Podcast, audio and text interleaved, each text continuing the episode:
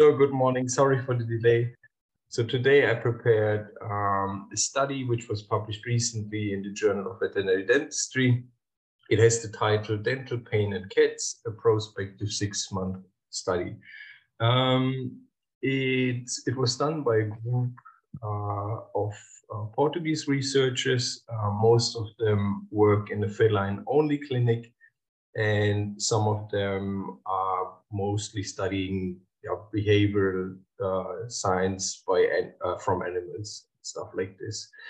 Um, the aim of this study was to evaluate um, whether dental disease is a cause of pain during routine dental examination. And they also wanted to see if the disease severity uh, correlates to, uh, to the found pain scores. Um, in the introduction, uh, they talk a bit about why we need a study like this uh, because they are saying so eventually we uh, have some pain scales, uh, but it's missing evidence that it can be used to evaluate pain during oral examination. And um, we don't have much uh, useful stuff which we can use on everyday basis. And then they also talk about a bit of oral diseases in cats, which are believed to cause pain um, to the artist. So they talk a bit about periodontal disease, they talk about tooth resorption, they talk about tooth fractures, and they talk about feline uh, or chronic feline gingivostomatitis. Um, so this is also where the pictures are from. So as I said in the beginning, they they would mention what uh, how we can um, uh, or what what are the different stages of periodontal disease? Uh, what, what can we usually see on those animals? And they're providing us with some clinical pictures and some x-rays. Uh, here, some other pictures uh, where we can see um, yeah, protruding teeth. And so uh, this is what they're mentioning. They also talk about endodontic diseases and of course, tooth resorption, again, they will provide us with some nice pictures of different types and different stages of tooth resorption. Uh, but this is not really um, that much connected to the rest of the study. Um, and they are only giving us some brief uh, summaries about the different diseases. So I won't talk too much about the different uh, diseases yet uh, or now.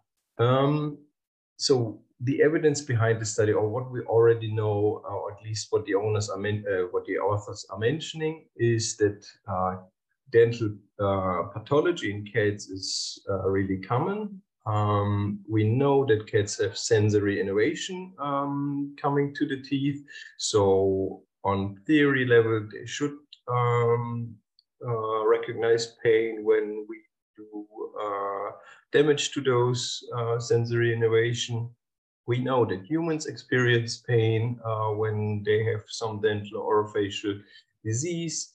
And we already have some pain scales also to evaluate acute and also chronic um, pain. Uh, the one which they're also using here in this study is the uh, feline acute pain scale from Colorado State University. I also put it here so you can see there are uh, forced or yeah forced of five scores, basically with four, uh, with four being the highest one.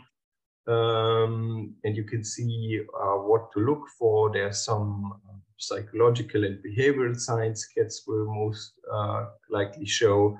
Um, there's uh, also a field where you can see the response from the cat to um, palpation, and they're also looking at the body tension. And then, uh, so this is what you what we would do um, to give a cat a, a, certain pain score. As the title already um, indicates, it is a prospective study. Um, the research itself was done a few years ago. Uh, I think it was 2015, 2016 or 14, 15. Uh, but yeah, it was just published recently and they included 53 cats in the study. Basically, every cat which allowed uh, full um, evaluation was included. Um, they were excluded though if they showed a pain score of level four, uh, which was not connected to dental disease. Um, they were excluded when it was impossible to access or assess the level of pain. And they were excluded if they had any other known painful or systemic uh, or serious systemic disease.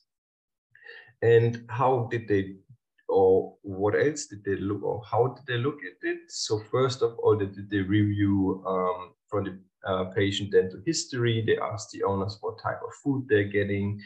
They uh, documented gender, age, uh, the owner's perspective about dental pain. Uh, they asked about uh, dental home care. Then they performed the general physical examination. They performed an intraoral conscious examination. Then they performed the pain scale. And finally, they also did uh, dental charting under anesthesia. And if we look at the stuff which was done uh, or from the tooth perspective, so what did they look at? Um, so they defined some what they call primary dental parameters. So they looked at periodontal disease, they looked at gingival index. So basically, uh, there was uh, inflammation of the of the gingiva. They looked at calculus index, so how much calculus on each tooth was. They looked at tooth resorption. They looked at tooth fractures, and they looked if there were missing teeth. And you can see um, they are using the nomenclature from the uh, American Veterinary Dental College, but they're adjusting them to the study. So they said uh, for example, with periodontal disease, one means healthy gingiva, two means gingivitis, and three is all, all sorts of periodontitis if it's mild, moderate, or severe. When we were looking, or when they were looking at tooth fractures and missing teeth, it was just classified as absent or present. And you have to keep in mind this was done. Uh, so these parameters were evaluated on an awake patient and they would just see if yeah if they could see a tooth it was there if they could not see it it was missing so no radiograph if, they, if there was resorption or um, a root uh, remnant then they also look at secondary dental parameters.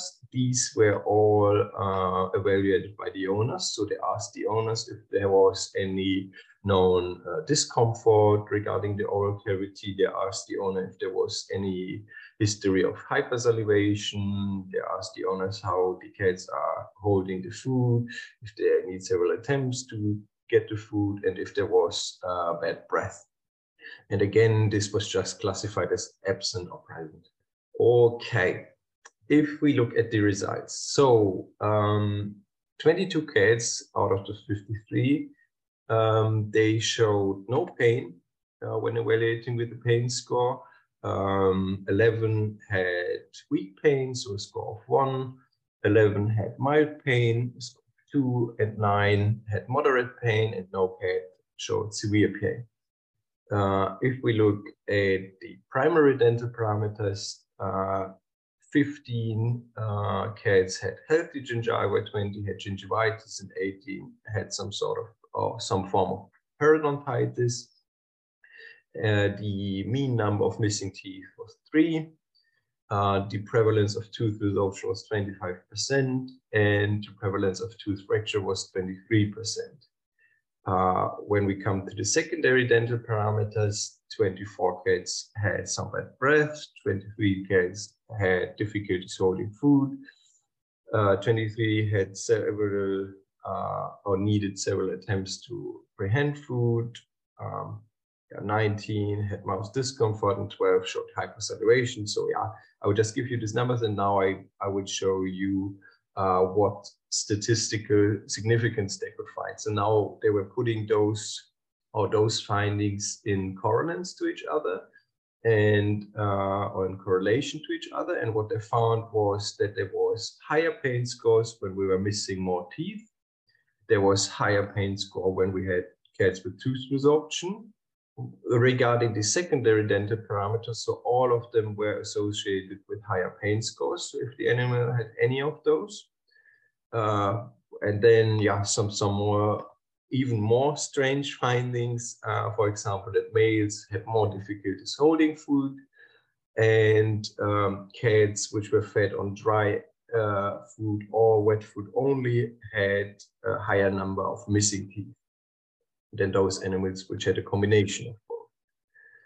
Okay, so if we look at those results now, so I think um, so first of all, I do have some problems with the uh, with the general protocol, or, or if we want to reproduce this, because uh, as you can see, most so we don't really know how they um, how they were looking at, for, for example, what they were looking in the general examination, how would they exclude uh, with other conditions, um, how um, how would they perform um, the pain scale. I know it's a system which is meant to be objective, but still, I think there are quite many things uh, with, which really depend on the person investigating um, those things.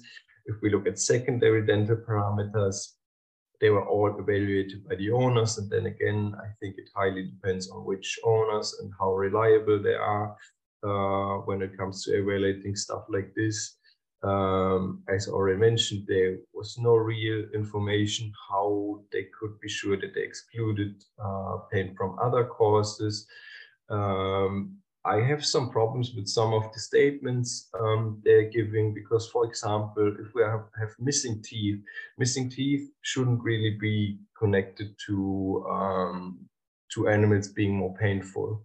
Uh, at least if the tooth is completely missing and the and the site is healed. So um, that that's a bit strange, or I think a bit misleading if you say that if you have um, more missing teeth, those animals will be more painful. It, it, doesn't really make sense. I know in the discussion they're mentioning uh, missing teeth is usually connected, uh, or yeah, missing teeth is usually in those animals which had some history of dental disease or tooth resorption or, or yeah, or uh, a higher stage of periodontal disease. But still, if the teeth are not there anymore, um, it, it, shouldn't really be um, connected to pain. Also, if, if, you, for example, look at the title when it says uh, dental pain in cats, a prospective study, but then it's not really about dental pain in cats. Um, it's more about is there pain during palpation of diseased or bidentally diseased tissues uh, during routine examination. This, this is basically what they did. And then they excluded all animals, uh, or, or, in the study group, there were, were no animals which showed uh, higher pain scores. I think they mostly used animals uh, which were going for spaying. Uh, if you look at the numbers, there were so many animals without any signs of gingivitis, without any signs of uh, dental pathology, and I think that's really rare to see. And I wonder uh, because I I can't remember last time I saw a cat with really no signs of at least gingivitis. That's a bit surprising for me as well. And I think it would make more sense to, I mean, you could do something like this maybe as a control group, but then it would be nice to know how many animals who just went for, let's say, spaying were included in the study and how many were actually dental patients. And I, at the end, I don't really know what's the relevance um, behind this. So it it so they were using systems which we already have. They were mentioning the dental disease, or at the end they concluding dental disease is coming and it can be a cause of pain. But it's uh, if if you look at the different diseases, um, like everything which is uh, or producing some sort of inflammation, I think it's safe to say that those um, those uh, diseases should be considered painful. So yeah. Okay. So thank you uh, very much for today. Bye bye.